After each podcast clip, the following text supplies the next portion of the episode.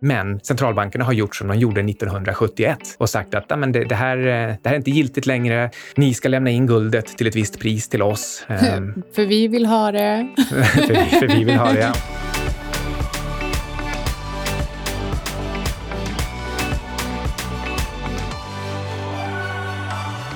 Hej Micke! Hej Outsiders Anna! Du har inte sett mig på typ flera dagar, skulle man kunna säga. Eller på, i alla fall under dagtid. Nej, det har varit eh, fantastiskt avkopplande. Du tycker det, va? Jag trivs ju otroligt bra på mitt nya kontor på Strandvägen 1. Jag har ett riktigt eminent sällskap där också. Mm, men innan vi går in på det eminenta sällskapet så ska vi först avhandla vilka vi är. Du lyssnar på Outsiders. Med eh, Siding och eh, Svan. Och eh, han som gör detta möjligt heter Alexander Marton och är personen som ser till så att vår ljud är friktionsfritt, kanske. Mm, och det, det, var lite diskussion om det här under veckan, vilket ledde till att jag gjorde lite inställningar som sen... Ja, jag bads dra upp gainen, typ. Och då blev det för starkt, så då slog vi i taket med massa toppar och då blev det en stor diskussion om olika ljudtekniker tekniker, men jag tror att eh, nu har vi det under kontroll. Det där sa mig absolut ingenting, men eh, det är inte heller mitt expertområde. Nej, det är ju faktiskt definitivt inte mitt expertområde heller. Men det är det vi ska prata om idag. Vad en expert är, vad det faktiskt betyder, om man måste vara en expert för att investera och lite annat som rör expertfrågor. Sen ska vi också snacka en hel del om guld och eh, hur man egentligen kan motivera fondavgiften när det kommer till råvaruförvaltning. För att det ser ganska annorlunda ut mot när man jämför med eh, aktieförvaltning. Jag tror att jag kan räknas till experterna på att eh, ta in avgifter med tanke på hur mycket avgifter vi lyckades ta in på hedgefonden som jag har satt. Grattis! Du plockade nog många pluspoäng där om vi har bland indexkramarna som lyssnar. Men en annan expert, det är ju personen som du sitter mitt emot där på S1.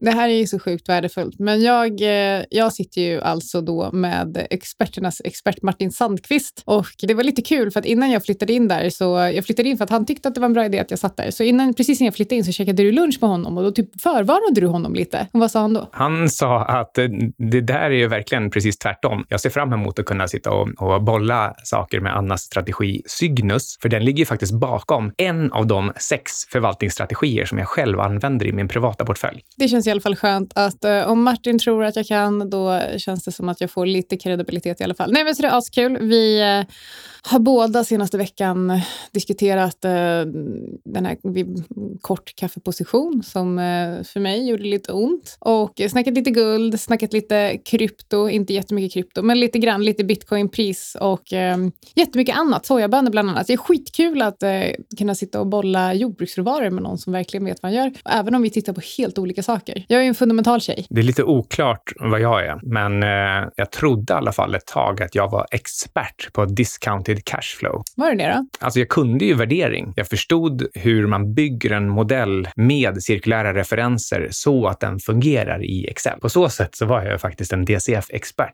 Men du kanske var Excel-expert? Um, ja, men det kan man väl också säga. Men det räcker ju inte med att vara Excel-expert. Du måste ju fortfarande vara expert på själva de, de ekonomiska resonemangen och hur modellen rent tekniskt hänger ihop. Men, eh, men jag förstår däremot, inte, försöker vi humblebragga här? Men, eller? men däremot eh, vad gäller eh, faktisk, praktisk nytta för att investera i aktier så kunde jag ju precis ingenting. You know nothing, Micke Syding. You know nothing, Jon Snow. Men däremot så hade jag tur med kalibreringen kan man säga. Jag råkade börja göra DCF-värderingar av IT-bolag 1994. Och i princip så kan man säga så att om du, bara, om du åtminstone inte var extremt negativ, så vad du än stoppade in i de där modellerna så såg alla svenska IT-konsulter och, och, och, datorbyggare, de såg ju fantastiskt billiga ut. De såg så billiga ut att eh, ja, mina kollegor trodde väl knappast på mina modeller och jag blev nog själv också lite tveksam till om det kunde vara så enkelt. Det roliga är att när du sitter och säger att it-bolag har sett billiga ut, då känner jag bara att jag har typ aldrig sett ett billigt bolag. Jag vet inte hur de ser ut. Nej, det där är ju faktiskt farligt, för många i din generation, de, när, er kalibrering riskerar att bli oerhört konstig. För de som köper och säljer aktier nu... Det är kanske din kalibrering som är konstig. Det är nya tider nu, säger ja. hon som är så rädd för börsen att hon investerar i jordbruksråvaror och bara åh nej, jag går tillbaka till de reella tillgångarna för allting är för dyrt. Men jag tänker så här, oavsett om jag var expert eller inte, så de som är experter experter nu och hittar nivåer för att köpa och sälja sina snabbväxare eller teknikbolag eller IT-bolag eller vad man vill kalla det för nu. Om det kommer en, en återgång till historiska genomsnitt, då kommer deras genomsnitt som de har vant sig att kalibrera kring visa sig vara en egentligen extremt dyr nivå och det kan bli en eh, dyr läxa. Jag tror också att det kommer leda till att många tittar på bolagen, för att det är ofta så att man tittar på ett bolag som, eh, om jag säger för enkelhetens skull, kostar 100 kronor och så säger man eh, det här är alldeles för dyrt och sen så går det ner till 20 kronor och man bara det här vill jag absolut inte investera i. Tror inte att det kommer vara lite så om man tyckte att någonting kanske till och med såg attraktivt ut på 100 kronor men kostar 20 kronor. Det spelar ingen roll om det är för att, eh, för att vinsten har sjunkit eller stigit eller om det är för att vi har gått in i lågkonjunktur och för att det är liksom börsen som viker i sig. Så tror jag att det är väldigt många som kommer ja, men, men lite tappa fattningen. Ja, men jag tror att du har rätt där och det kan bli det på lite olika sätt. Dels för att man inte har funderat över värderingar överhuvudtaget. Och då är det nog ganska bra om man tappar fattningen när man ser att det kan bli på ett helt annat sätt än, än där man är van vid att det, att det ligger. Men något som investerare under maj månad faktiskt flydde från, på tal om det, var att eh, guldbackade ETFer eh, hade ett nettoutflöde på, jag tror det var 2,2 miljarder dollar, bara lite. Så man, man flydde från guld i maj. Mm, ja. När var det guld gjorde sin comeback? Var det, kan man säga att det var i juni? Ja, det, det är bara jo, några det skulle, dagar. Ja, det, ja, jag skulle absolut säga att det snarare är juni, så att jag tror att siffrorna för juni kanske kommer se helt, helt annorlunda ut. Men, eh, nej, men det var bara lite kurios, höll jag på att säga, men det är inte ens det. Men innan vi går in och snackar lite mer guld, snackar lite mer expertområden, så vill vi tacka vår partner Fontobel. Och Fontobel är ni faktiskt vana vid att höra om i den här podden, eller hur? Fontobel är ju den här stadiga vännen att hålla i handen, eller som håller dig i handen så inte du blåser omkull när eh, det svänger på marknaderna. Fontobel tillhandahåller eh, olika typer av eh, ETP som du kan använda om du vill hedga eller boosta din position tillfälligt, men vill vara säker på att din motpart, alltså Fontobel, står säkert. Och för den som vill handla cert mot till exempel kryptovalutor som bitcoin och ethereum så tillhandahåller Fontobel det. Och för den som, eh, som är lite mer intresserad av eh, att investera i guld så har de också eh, ETP mot, eh, mot guld. Och de har, eh, de har lite blandade grejer. Vissa med hävstång, andra med inte. Eh, bitcoin och ethereum är utan häv. Många av råvarucertifikaten som de har är med hävstång. Så se till så att du faktiskt inte lägger kanske en superlångsiktig position. Och tänk på att den här typen av investeringar är förknippade med ganska hög risk. Så se till så att du gör en egen analys och tänk på att vi inte lämnar några rekommendationer i den här podden. Bra där. Man tar ju ganska ofta upp den här Dunning-Kruger-effekten. Det är väl att eh, ju mer man vet, desto smartare blir man. ja, ja, men det, det lät som att du är lite Dunning-Kruger på Dunning-Kruger-effekten. Ja, exakt. Vilket var poängen. Det var Mm. meta Mm. av mig. Men eh, när man kan väldigt lite så tror man att man kan oerhört mycket. Men ju mer äkta expert man blir, desto mer inser man att man faktiskt inte kan. Och sen finns det någon punkt oerhört långt ut till höger, möjligen teoretiskt, där de här, eh, Eh, både det man kan och eh, det man tror att man kan börjar eh, gå ihop asymptotiskt. Men de flesta, jag också, befinner sig någonstans där man tror högre om sig själv än man har rätt att göra. Jag kommer ihåg när jag började modellera Cygnus och jag tänkte, åh, för jag tittade på lite grafer och bara, åh, det här är nog ganska enkelt. Och sen så ju mer jag lär mig om, om den här typen av marknader och den här typen av modellering, desto mer känner jag bara, ah! Ska andra investera enligt den här strategin som jag har hittat på? Jag vet, I know nothing. Men, eh, men så förstår jag också att eh, utifrån sett så kanske det ser lite annorlunda ut. Jag tänkte precis fråga om du är expert på råvaror och eller guld. Nej, eh, absolut inte. Däremot så skulle jag säga så är ett bra här. svar. Jag är absolut inte expert på råvaror eller guld, men jag har ett expertområde. Berätta. Cygnus. Just det. Ingen kan Cygnus så bra som jag. Och det är väl kanske också meningen, eftersom att det är jag som har hittat på den. Ja, och, och där måste man definiera expert lite grann. Ja, men och sen är det också så här. Det är ju också så att när jag får frågor om strategin, vi är ett team om tre personer och vissa av delarna har jag absolut inte tillräckligt kompetensområde för att gå in och, och förklara för att du inser att ja, men det får liksom inte en, eh, rättvis beskrivning. Men, eh, nej, men jag är expert på Cygnus och vi har två andra experter inom delområden på Cygnus. Men eh, jag ansvarar för den övergripande strategin. Nu ska jag mansplaina lite grann och, och det är att jag tror att det är viktigt Ingen har bett om det, men okej. att eh, um, inte se det här som någon slags 0-1. Antingen är man expert eller inte. Antingen har man en titel eller en position eller inte. Utan det här är en fråga om hur långt ett snöre är. Det är alltså en, en skala. Och, um, Jag är ganska expert då. det intressanta är att veta vad man i praktiken vet eller vad man i praktiken förstår och framför allt vad man praktiskt kan använda det till. Jag tycker att en egenskap som en expert bör ha är också att vara väldigt, eh, ha väldigt mycket insikt om vad man inte kan inom ett visst område. För att även om jag är expert inom Cygnus då, så är det ju faktiskt till exempel de här systematiska strategierna inom råvarudelen till exempel. Det är inte jag som sitter med dem, så att jag kan inte gå in och diskutera detaljer om de här. Så att jag är expert på Cygnus, men det, då ingår det att jag kan också säga att jag inte kan den delen för att jag har tagit in en annan expert på det. Och det leder osökt vidare till alla dessa Twitter-experter på guld som är så duktiga på guld att de säger att man ska absolut inte ha något guld alls. Man ska bara ha aktier. Ja, för guld har ju aldrig levererat bra, bättre avkastning än aktier. Om man inte då tittar mellan, jag tror det är 2001 och i år, för då är snittavkastningen 9,1 procent årligen. Ja, ja, precis, årligen. Jag vet faktiskt inte riktigt. Den här perioden har också varit typ någon av historiens absolut bästa tid. Så, för aktier då, menar jag. Eh, så det är lite märkligt då att man kan sitta och säga med, eh, jag vet inte, med heden i behåll eller utan att skämmas, eh, utan att ens titta upp liksom. Hur, hur ser det ut? Hur har det sett ut egentligen? Ja, ja, men det, det är faktiskt eh, både lustigt och skrämmande att, eh, man, eh, att man vågar uttala sig som om man är expert på någonting som man faktiskt inte kan någonting alls om. Jag menar, jag har all respekt för om man säger, trots att guld har gått bättre än aktier under den perioden, så vill jag inte ha guld på grund av det här och det här. Det, det kan jag förstå. Då har, man, då har man sagt att jag vet någonting lite om det här. Jag säger inte att jag är expert på det, men jag säger att jag, jag kan någonting annat tillräckligt bra för att eh,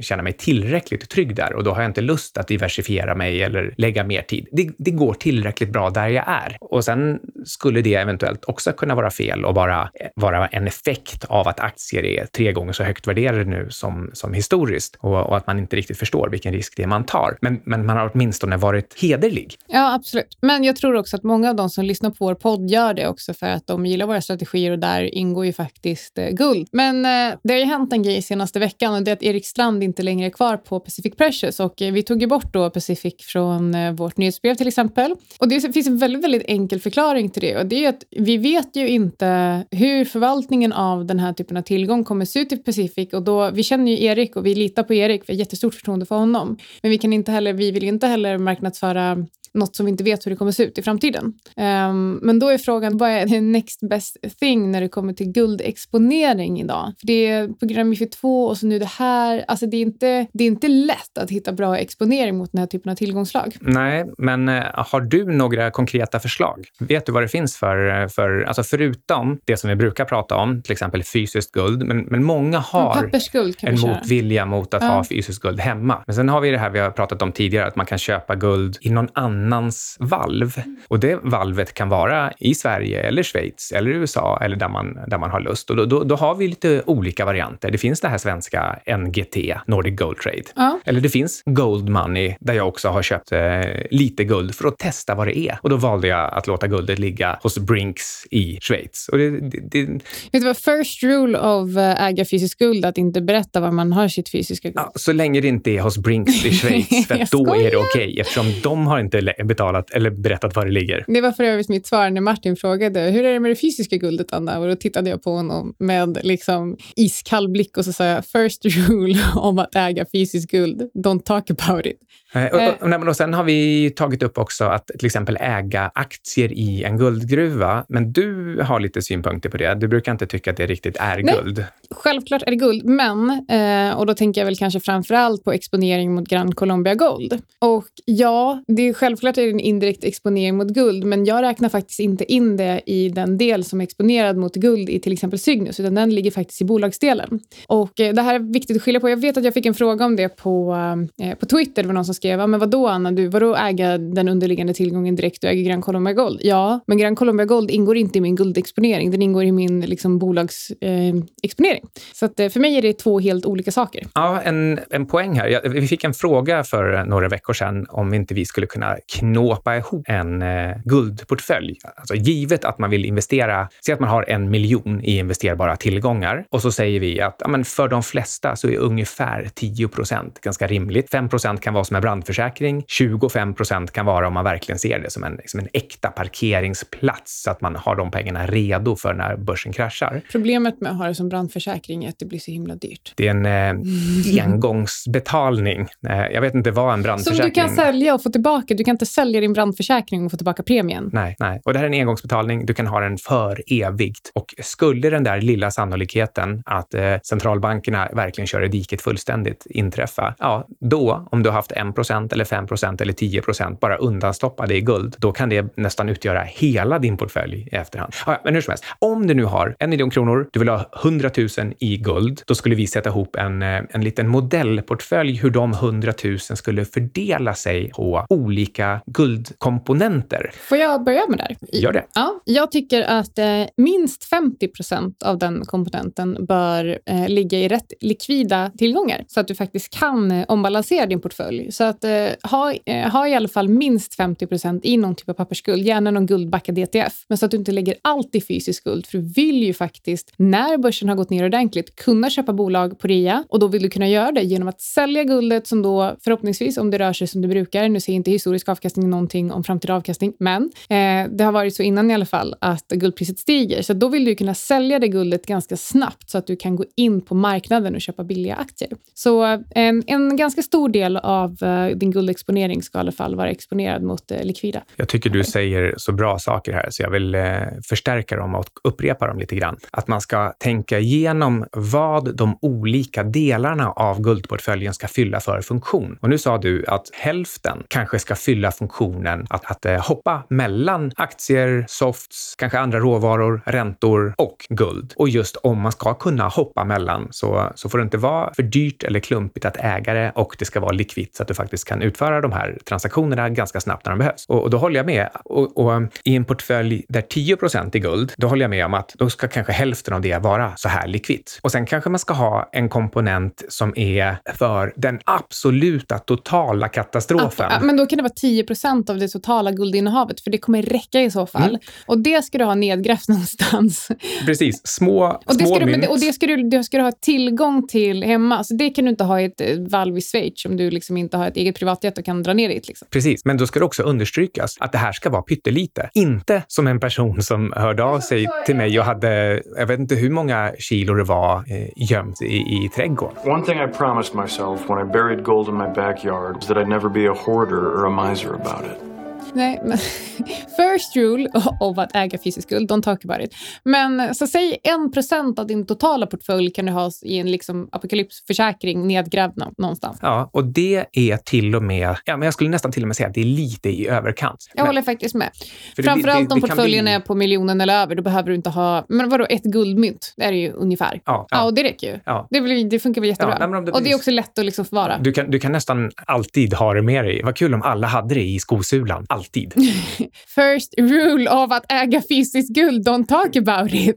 Det enda vi ska prata om det är var man ska ha sitt fysiska guld. Ja, uh, okej. Okay. Mm, nej, men eh, och sen resten då? Sen så tycker jag att det, självklart kan du ha, om, om vi har den här, vi har apokalypsdelen, vi har den likvida delen. Sen så kan du definitivt äga lite fysiskt guld via till exempel Nordic Gold Trade eller Gold Money. Och Gold Money är kul för då kan du få ett kort kopplat till guldet. Ja, men det var tydligen inte riktigt så bra som jag hade hoppats. Det vill säga att det hela tiden var kopplat till guldet. Utan vad du får göra, det är att eh, begära en delförsäljning och sen det beloppet får du begära ett prepaid Mastercard på som du då kan springa runt och använda i bankomater och affärer. Så det är faktiskt inte så att när du drar dig i affären eh, så, så rycker det lite i guldvalvet. Det drar.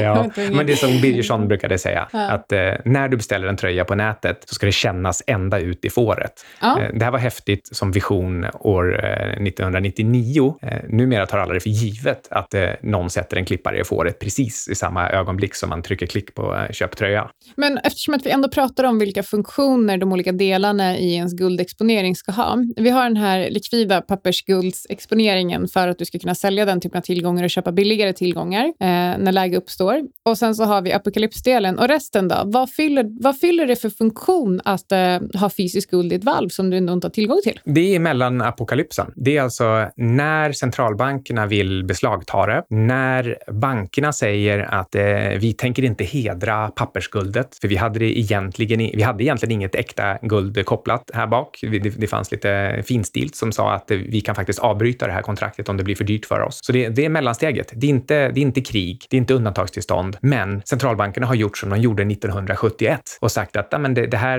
det här är inte giltigt längre. Ni ska lämna in guldet till ett visst pris till oss. För vi vill ha det. för, för vi vill ha det, ja. Men eh, centralbankerna köper nu för fulla muggar. De har aldrig köpt så mycket guld som de köper nu och det säger verkligen att Centralbankerna är... håller på, kanske håller på att gå ihop och släppa en guldbackad krypto. Det är inte alls omöjligt. I alla fall någon typ av digital valuta Vad som är guldbackad. det hade varit. Bara slog det mig nu. Mm, men det är precis det som eh, Eric Townsend spekulerar i i de sista kapitlen i sin bok. Och eh, Martin skickade faktiskt ett eh, klipp till mig idag. Det var en debatt mellan Peter Schiff och eh, någon mer och då diskuterade de eh, Grayscales Drop Gold-kampanj. Och jag har mer grejer att säga om den här. Och eh, jag kanske ska göra det avslutningsvis, eller har du något mer du vill tillägga innan dess? Nej, eh, börja. Kör du. Problemet med att eh, jämföra guld med bitcoin är att det finns exakt noll korrelation mellan de här två tillgångslagen. Så att byta ut det ena mot det andra medför bara att du får en mindre diversifiering i din portfölj än om du är exponerad mot båda två. Så man ska inte drop gold. Man ska plocka upp guldet och man ska plocka upp krypto och man ska vara exponerad mot båda tillgångarna. Mm. Ja, men det, det lät bra. Men det kanske var allt vi hade för den här veckan. Um, ja, alltså vi hade ju en diskussion om vad att vara expert egentligen innebär, men det känns som att det kan vi nog lämna till en annan gång helt Jag skulle enkelt. säga att vi är experter på outsiders. Eller vi är faktiskt inte ens det, uppenbarligen inte. Vi, Vi- vi- bestämde oss för att prata om någonting och så pratar vi om något annat. Jag, jag kan berätta någonting som vi definitivt inte är experter på, men som ändå tar upp lite då och då. Det är, det är Aselio och jag kan ju inte ens stava till Stirling-motor. men, men, eh, ja, men det är faktiskt en liten så här, kul... Vet vad du investerar i och så vidare. Gör din egna analys, men... Ja, men en, en, en, en till liten kul avslutning kan faktiskt vara det här med det här instant expert-begreppet. När man jobbar som hedgefondförvaltare, då är själva sinnebilden av en är att man ska kunna ta till sig ny komplex information väldigt fort och bli expert och kunna ta smarta beslut i princip omgående. Så när Fukushima-katastrofen inträffade, ja, då plötsligt så liksom, en, en, en halv dag senare, så alla hedgefondförvaltare som, eh, som kände trycket, de kunde då gå runt och, och rabbla olika tsunamis, exakt hur de blev till, man, man visste hur mycket Det energi... låter som taget ur Billions. Ja, ja men det, det är exakt så, så det är också. Och, och samma sak gällde när någon jättestor orkan slog till. Ja, men då plötsligt så kunde alla förklara hur själva namngivningen såg till. V- vad är det för namn en orkan får och när får den namnet? Och ja, men bara en sån liten kuriosa som att när en orkan har blivit tillräckligt förödande, då får man inte använda det namnet igen, så då måste man hitta på nya namn in i liksom, den här namngivningsskalan. Jag tycker att du sätter fingret på det som jag tycker är absolut roligast med investeringar och mitt jobb just nu. Det är att man blir extremt allmänbildad för att hålla sig konkurrenskraftig. Och eh, det jag försöker förklara för folk när folk frågar varför tycker du att det är så kul att investera. Att man lär sig så sjukt mycket grejer som man inte hade lärt sig annars. Bland annat typ, den, typ varför man, hur man ska namnge orkaner. Det är Och- skitkul med så här slampoid facts. Precis, det är jätteroligt, men sen får man inte bli den där personen som, som tror att man är expert på investeringar eller tror att det här gör att man gör bättre investeringar. Däremot kan man glädjas åt själva lärandet och kunnandet. Och eh, med det tror jag att vi ska tacka Alexander Marton, von Tobel, mig och eh, du kan få lite plus i kanten också. Ja, tack så mycket. Om du tror att du är expert så är du antagligen inte det. Leta aktivt efter punkter där du har fel. Och det gäller särskilt när du börjar tro att du är expert. Till exempel om du är expert på att äga exakt bear, som jag var i några år. Och nu är jag expert på att förvalta din portfölj. Det var allt från Outsider.